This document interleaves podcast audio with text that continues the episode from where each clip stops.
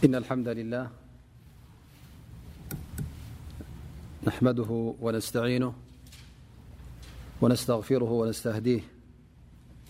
ونعوذ بالله من شرور أنفسنا ومن سيئات أعمالنا من يهده الله فلا مضل له ومن يلل فلا هادي له وأشهد أن لا إله إلا الله وحده لا شريك له وأشهد أن محمدا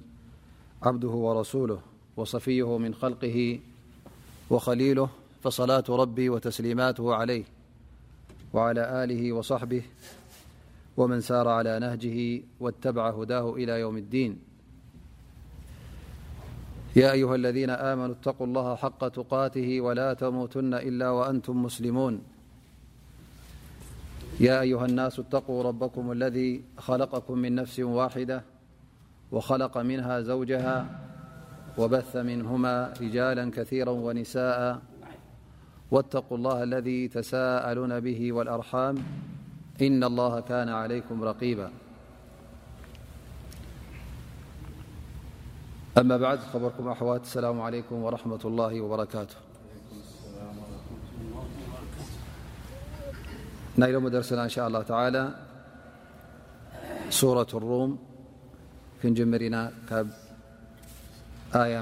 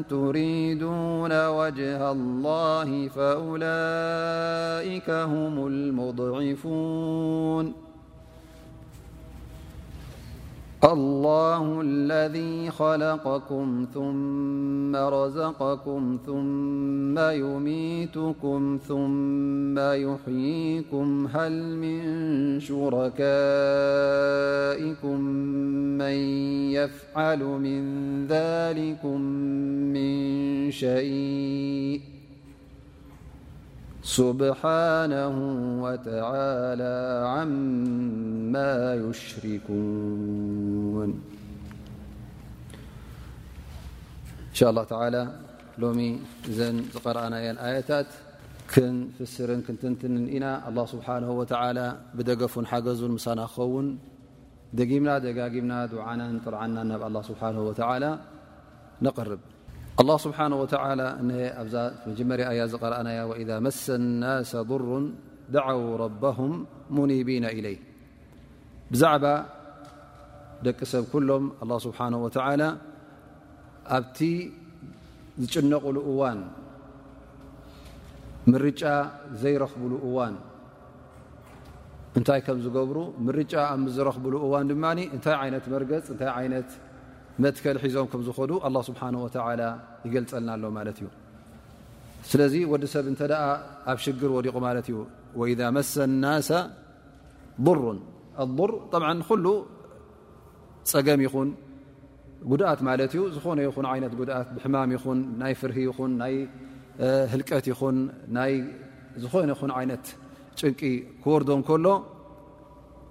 ምርጫ ስለ ዘይብሉ ሕጂ እንታይ እዩ ዝገብር ማለት እዩ ናብ መን ይውጃህ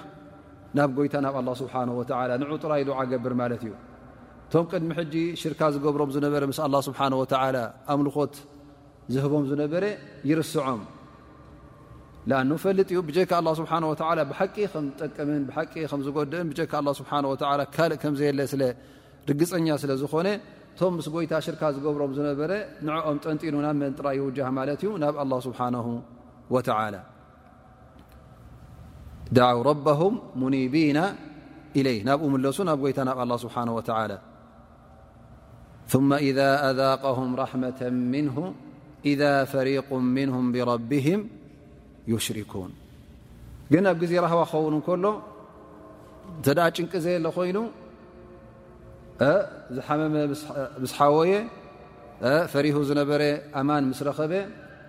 ህድኣት ምስ ረኸበ ፀጥታ ምስ ረኸበ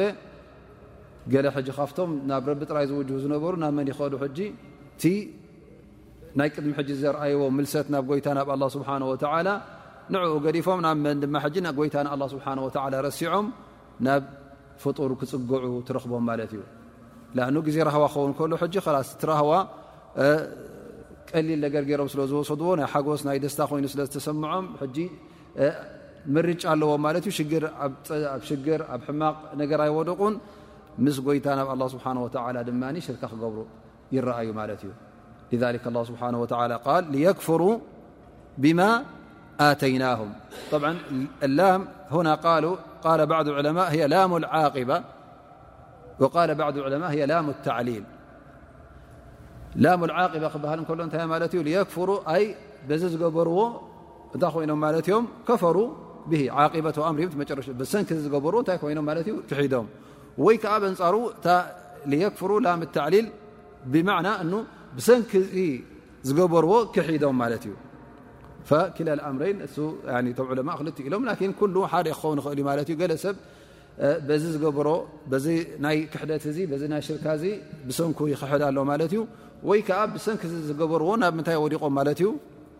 ናብ ሽርክነት ናብ ክሕደት ን ኣላ ስብሓን ወተላ ወዲቖም ማለት እዩ ወላ ስብሓን ወተላ ነዞም ሰባት እዚኦም እውን ይህድዶም ኣሎ ማለት እዩ እቲ ካብ ጭንቅን ካብ ሕማቕን ዘውፅኦም ንዕኡ ረሲዖም እሞ ከዓ ኣብ ክንዲ እቲ ራህዋ ዝሃቦም ሕጂ ዘመስግኑ ፅርትን ንጎይታ ንኣላ ስብሓን ወተላ ንፅህናን ኣብ ክንዲ ዘርእዩ ኣብ ኩሉ እዋናቶም ኣብ ግዜ ራህወኦም ይኹን ወላ እውን ኣብ ግዜ ሽግሮም እንታይ ትረኽቦም ማለት እዩ ሕጂ ኣብቲ ግዜ ሽግር ክፃበብ እንከሎ ቲ ጉዳይ ኩሉ ሓታ እንታይ ይብሉ ገሊኦም እውን ዕለማ ኣልፈቅሪ ዓለም ኣዲን ይብሉካቶም ከምዚ ታሽሙ ኮይኑ ማለት እዩ ከምዚ ምስላ ኮይኑ ሰብ ምስ ደኸየ ምስ ደኸመ የኣላ የኣላ ብል ማለት እዩ ላኪን እንተ ሃብቲ ረኺቡ እተ ራህዋ ተረኺቡ የኣላ ይርስዕ ማለት እዩ እንታይ ኩሉ ባዕለ የምፅዮ ሃብተይ ዝፍልጠተይ ዝብን ታሽሙ ክብል ትረኽቦ ማለት እዩ ስለዚ ጭንቂ ንገዛእ ርእሱ ንሰብ ናብ ምንታይ ይመልሶ እዩ ናብ ረቢ ይመልሶ ኣ ላስ ምርጫ የብሉም ኩሉ ነገር ተዓፂኡ ምስ ረኣዮ እባእዚ ኣስረቢ ጥራይ ዝፍርጃ ኢሉ ሕጂ ናብ መን ይውጃህ ማለት እዩ ናብ ረቢ ይውጃህ ማለት እዩ ወየንሳ እን ላ ስብሓን ወ ኣብ ፈረጃ ኮይኑ ኣብ ጭንቂ ኮይኑ ንሱ ዩቲ ሓደ ጎይታ ፈረጃ ዘምፅእ ርዝኪ ዘምፅእ ሽሻይ ዘምፅእ ኣላ ስብሓን ወላ እዩ ብጀክኡ ዘምፅእ የለን ፈሰውፈ ተዕለሙን ኢሉ ኣላ ስብሓን ወላ እውን ይህድድ ኣሎ ማለት እዩ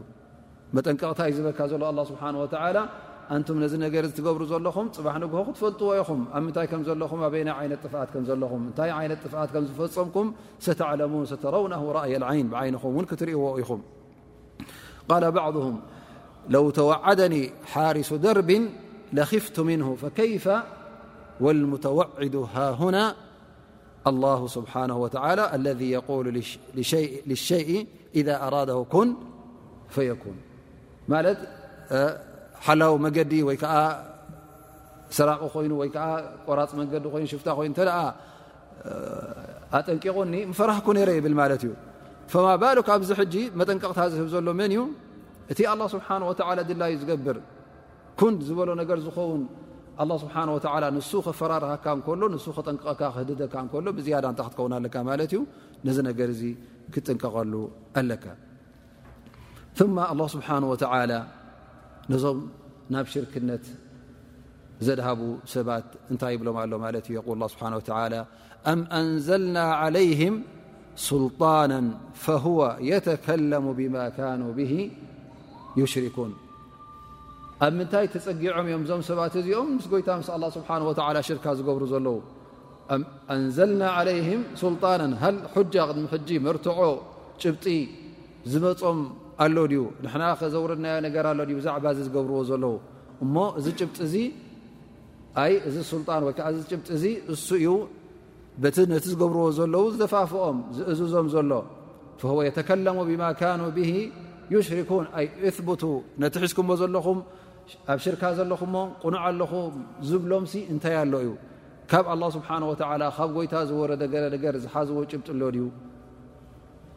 እዚ እስትፋም ከም ሕቶ ክቀርብ ከሎ ቃሉ ሃዋ እስትፋም እንካሪ ማለት እዩ ኣይ ኣን ላ ስብሓን ወተላ ከምዚ ዝኣመሰለ ኣየውረደሎምን እዚ ዓይነት እዚ ጭብጢ እውን የብሎምን ነዚ ዓይነት እዚ ዘረጋገፅ እውን ኣይሓዙን ማለት እዩ እነማ እዞም ሰባት እዚኦም ኣብቲ ናይ ጥርጠራ ናይ ብሓቂ እምነት ዘይኮነ ናብኡ እዮም ፀጊዖም ዝኸዱ ዘለዉ እቶም ልኡኻን ዝብልዎ ዝነበሩ ንስኡ ሓቂ እቲ እሶም ዝፍፅምዎ ዘለዉ ከዓ ንስኡ እቲ ኮንቱ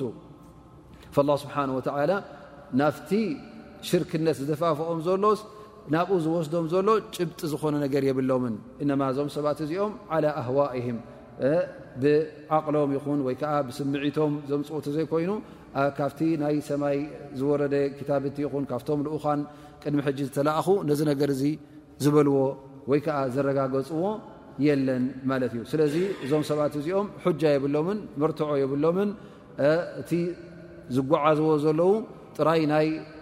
ዊንተኦም ናይ ስምዒቶም ጥራይ ተዘይኮይኑ ካልእ ነገር የብሎምን ሸይጣን ድፋፍእዎ እውን ኣብዚ ነገር እዚ ኣውዲቕዎም ማለት እዩ እነማ ጭብጢ ዝበሃል የብሎምን መገዲ ሽርክነት ምስ ኣላ ስብሓን ወላ እተ ርእናዮ ጭብጢ ዝበሃል የብሉን ኣ ላ ስብሓ ሁና ኣንከር ኣንዘልና ለይህም ስልጣን ኢሉ ላ ስብሓ ለም ዩንዝል ለይህም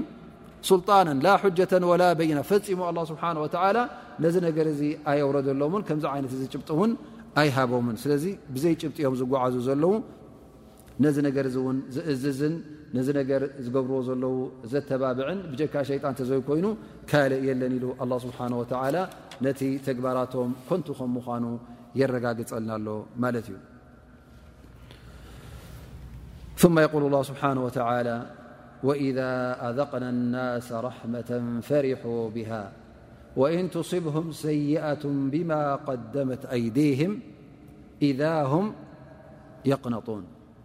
እዚ ውን ሓደ ባህሪ ካብቲ ናይ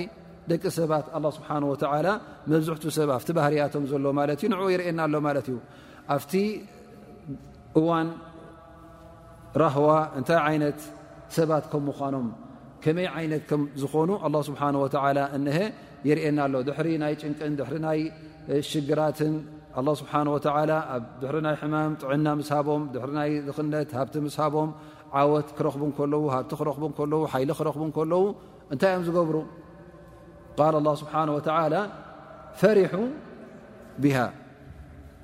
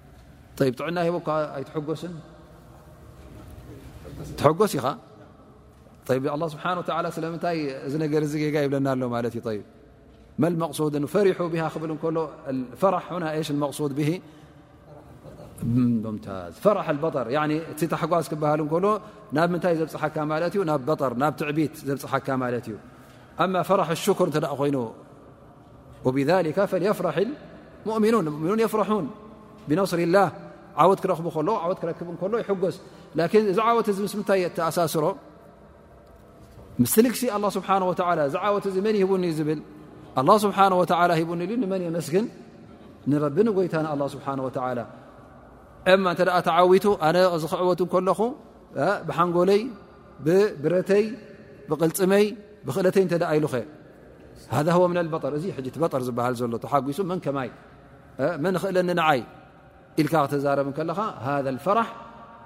ለذ የضሙ ላ ስብሓ ወ እቲ ኣ ስብሓ ወ ጌጋ እዩ ዝብለና ዘሎ እዚ እዩ ማለት እዩ ፈየፍራሕ ወየፍኸር ብነፍሲ መን ከማይ እናበለ ነብሱ ላዕሊ ይሰዳ ማለት እዩ ላ ስብሓ ወ ካብዚ ነገር እዚ የጠንቅቐና ኣሎ ኣማ ኢዛ ካነ ፈራሕ ጥዕና ረኺብካ ተሐጎስ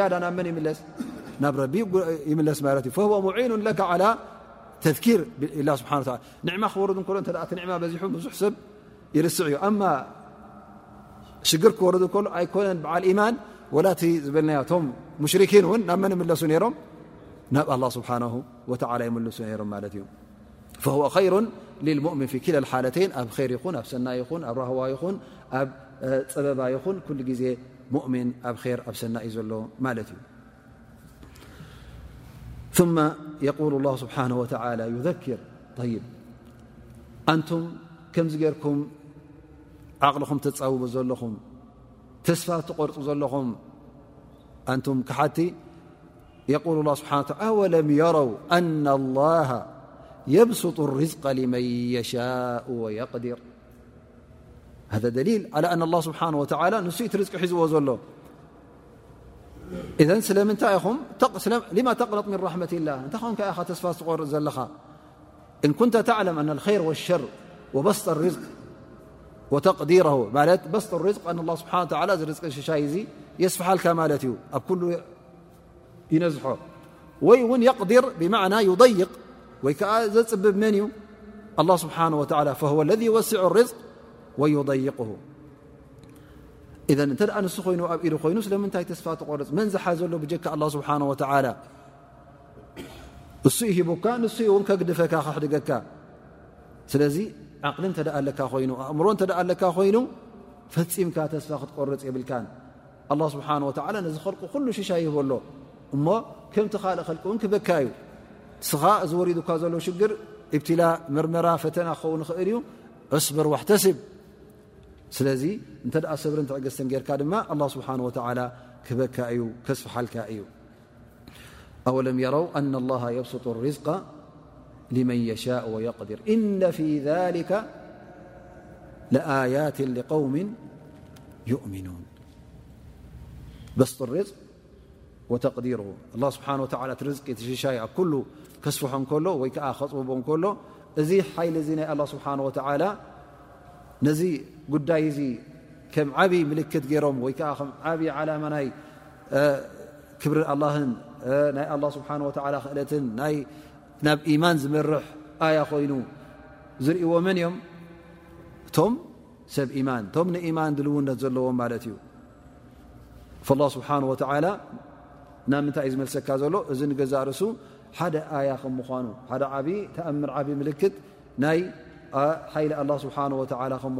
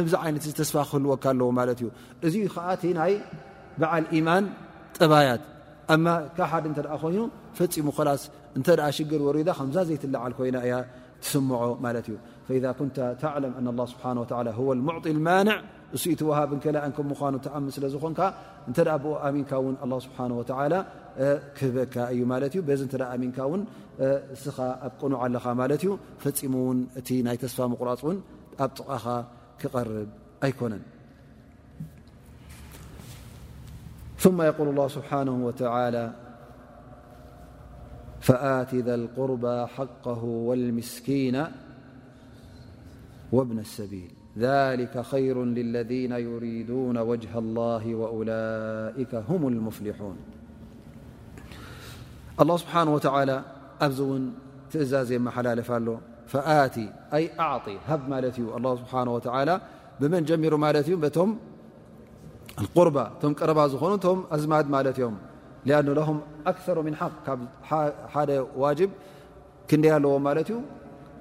ብክል ብሰለስተ ወገናት እውን ክቐርቡካ ክእሉ ማለት እዩ ፈዘን ተቐዳምነት ነቶም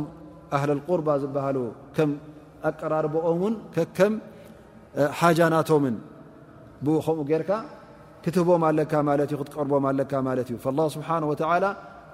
ንኦም እቲ ነፈቓ ዝበሃል ዋጅብ ዝኾነ ኣሎ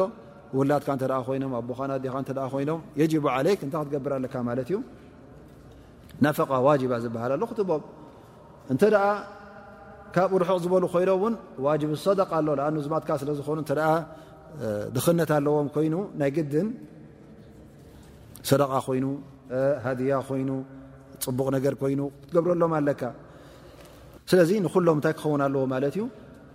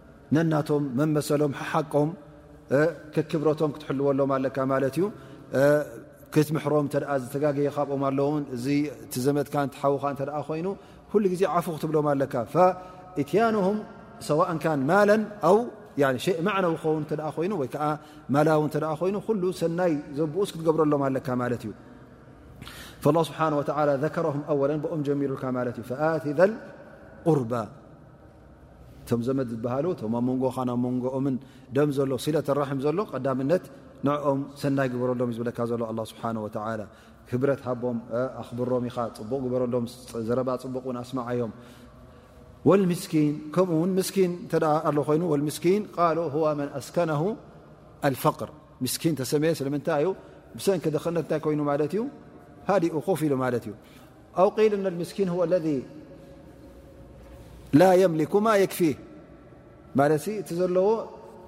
ዘይኣክሎ እተ ኮይኑ እንታይ ይኸውን ኣሎ ማለት እዩ ካብቲ ሓጃ ናቱ ካብቲ ድላይነት ና እተ ጎዲልዎ እንታይ ይኸውን እዚ መስኪን ማለት እዩ ነዚ ምስኪን እውን እውን ንዝበልዖ ይኹን ዝሰትዮ ነገር ይኹን ዝለብሶ ጉዳይ ኣድላይ ኣድላይ ነገራት ንዕኡ ክትህብ ኣለካ ማለት እዩ ነፈቃ ክትገብረሉ ኣኑ እዞም መሳኪን እዚኦም ኣላ ስብሓን ወተላ ጀዓለ ለሁም ሓቁን ማዕሉም ፍሉይ ዝበለ ሓቂ ገይሩሎም ኣ ስብሓን ወተላ ኣብቲ ገንዘብ ናይ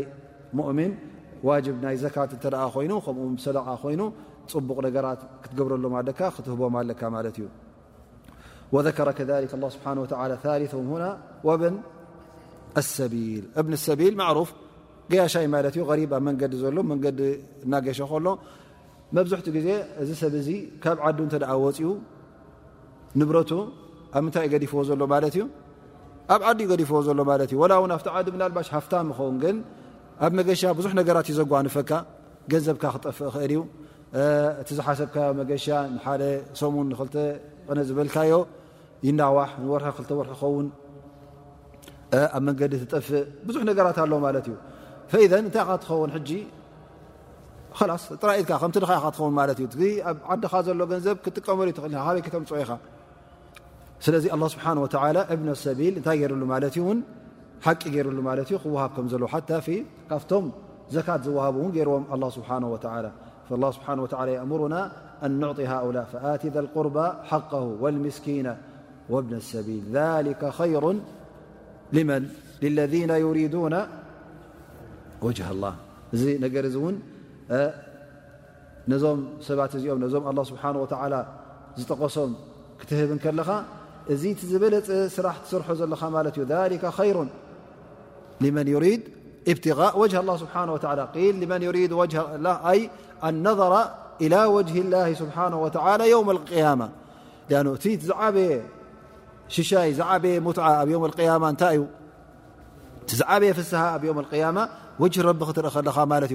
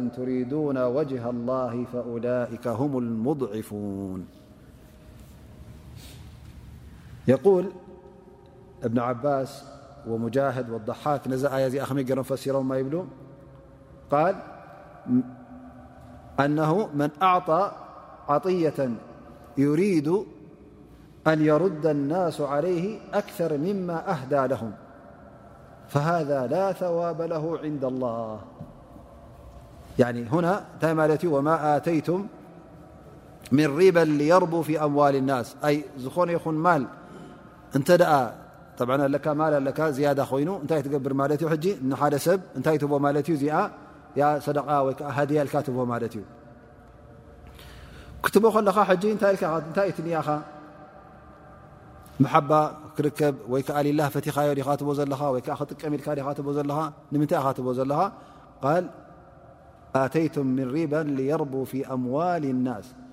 ቲ ዝያዳ ትደልዮ ዘለኻ ሕጂ ንዓኻ ንክምለሰካ ማለት እዩ ፈቀሰድቱም ዝያዳ እ ፅባሕ ንግሆ እዚ ሰብ እዚ ኣነ ሎሚ ሽ 2ልተ ሽሕ ሂበዮ እንታይ ትፅቢት ኣለኒ ፅባሕ ዓስርተ ሽሕ ህበኒ እዩ ንሱ ወይ ከዓ ማኪና ሃድያ ክበኒ ኸውን እዩ ኣለዉ ሰባት ሕጂ ነዞም ኡመራ ይኹኑ ወይ ከዓ ነቶም ዓበይቲ ዓዲ ዝበሃሉ ወይ ከዓ እንታይ የምፅሎም ማለት እዩ ሃድያ የምፅኣሉ ማለት እዩ ሃል ዚ ሃድያ ሕጂ ከምፅኣሉ ከሎ እቲ ክፈትዎ ወይ ከዓ ስኢኑ ማለት ድዩ ስኢኑ ይኮነን ሊላ ኣይኮነን ዘምፅኣሉ ዘሎ ኢነማ እንታይ እዛ ንሽተይ ሃድያ ኣምፅሉ ብኣ እንታይ ፅበ ፅባሕ ጉጂፋ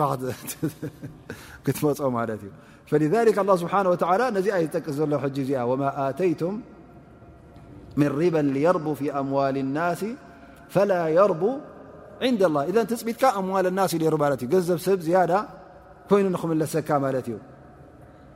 فيقولما أعطيتم من أموالكم الزائدة عن حوائجكم وقصدكم بذلك أن يربو أن يزيد في أموالكم بأن تعطوها لمن تطمعون أن يعاوضكم عنها بأكثر منها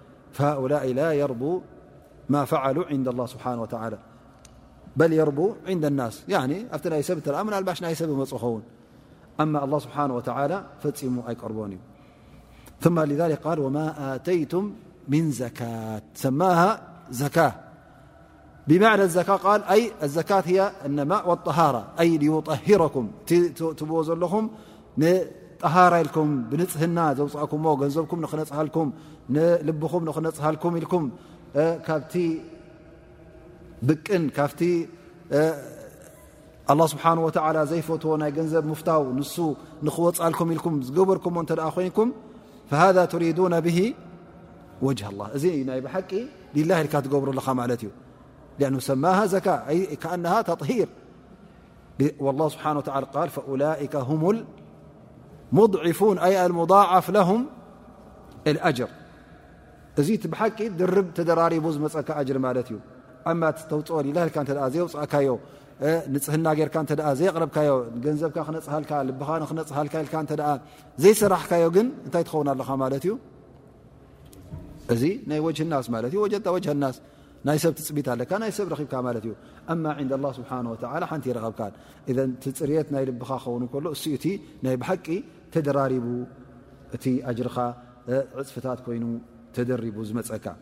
ላ ስብሓን ወተላ እንታይ ሕጂ ዝፅዋዓና ዘሎ ማለት እዩ ዝኾነ ይኹን ነፈቓ ክተውፅእ ከለኻ ሰዋእን ልኣህሊ ቁርባ ኩሉ ግዜ ሓንሳሓንሳ ትርስዕ ኢኻ ወላ ውን ነቦኻ ነዴኻ ክሰደሎም ከለኻ ገንዘብ ነደቅኻ ክሰደሎም ከለኻ ከም እንታይ ኮይኑ ተስምዓካ ማለት እዩ ከምዚ ተፅዕኖ ኮይኑ ይስምዓካ ወይ ውን ትገብሮ ከለካ ከምዚ ልምዲ ጌርካ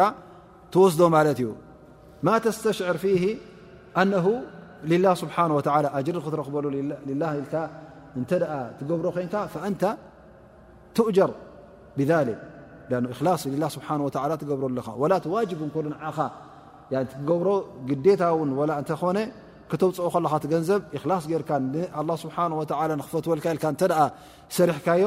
ፈኣንተ ማእጆር ዓላ ሊክ እዚ ነገር እዚ እንታይ ትረክበሉ ኣለኻ ኣጅሪ ትረክበሉ ኣለኻ ማለት እዩ ነቶም ኣህል ቁርባ ይኹኑ እቶም ኣዝማትካ እቶም ቀረባ ኣዝማትካ ይኹኑ ርሑቃን ኣዝማትካ ነቶም መሳኪን ንብኒ ሰቢል ንዝኾነ ይኹን ኣብ ሽግር ዘሎ ሰብ ሰናይ ንየቲም ንዘኽታም ዝኾነ ይኹን ሰናይ ክትገብረሉ ከለኻ ኩሉ ግዜ እቲ እክላስ ዝበሃል ክትርስዕ የብልካን እቲ ጉዳይ ኣንፅህካ ናብ ኣላ ስብሓ ናይ ኣላ ስብሓ ወተላ ሪዳን ፍቶትን ደሊኻ ንዕኡ ክትፍፅም ኣለካ እሱ እንተ ዘይገበርካ ክልተ ክሳራ ትኸስር ኣለኻ ማለት እዩ ገንዘብካ ኣብ ኣዱንያ ትኸስሮ ኣለኻ ማለት እዩ ንስኻ ትጥቀመሉ የለኻን ኣብ ኣኼራ ድማ ጥራኢትካ ትመፅእ ኣለኻ ማለት እዩ ወልሓንቲ ኣጅሪ ከይረኸብካሉ ጥራኢትካ ናብ ጎይታ ናብ ኣላ ስብሓ ወተላ ክትቀርብ ኢኻ ማለት እዩ ስለዚ ተገዲስና እቲ ናይ እክላስ ዝበሃል ጉዳይሲ ካብ ልብና ክረብሕቕ የብልናን ኩሉ ግዜ ዝኾነ ይኹን ሰናይ ነገር ክገብሮ ከለና ንሊላ ኢልና ክንገብሮ ንጎይታ ን ስብሓ ክረድየልና ስብሓ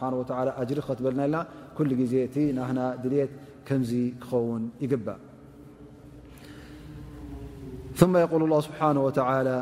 ላ ለذ ኹም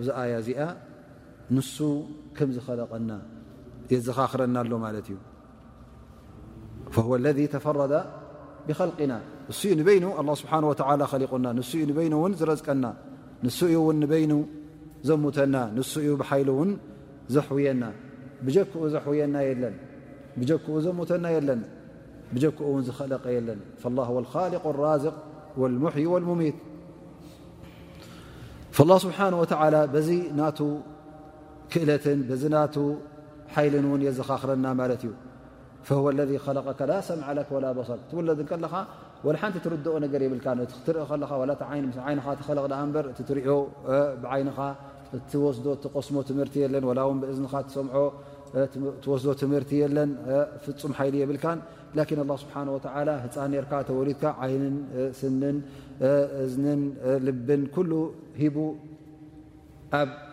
እኹልነት ምሉእነት ናይ ወዲ ሰብ ውን የብፅሓካ ማለት እዩ እዚ ኩሉ ነገራት ውን ትረክብ እዚ መን እዩ ዝበካ ዘሎ ኣላ ስብሓን ወላ ብጀክኡ ብጀካ ኣላ ስብሓን ወተላ ነዚ ነገር እዚ ዝገብረልካ የለን እሞ ስለምንታይ ዝኾነ ይኹን ነገር ክትገብር ከለኻስ ነዚ ጎይታኻ ዚ ዘይትዝክር ስለምንታይ ነዚ ጎይታ እዚ ትርስዖ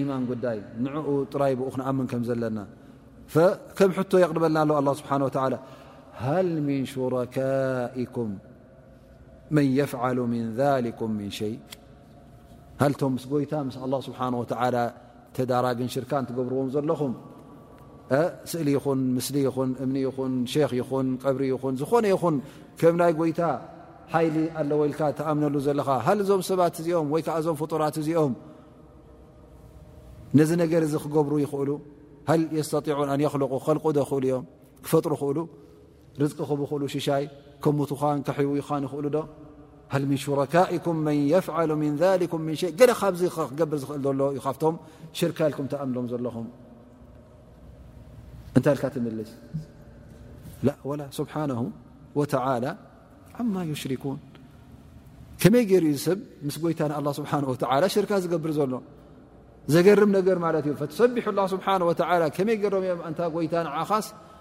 ل شركان درج رل رم فم زيكون نر نس يت نر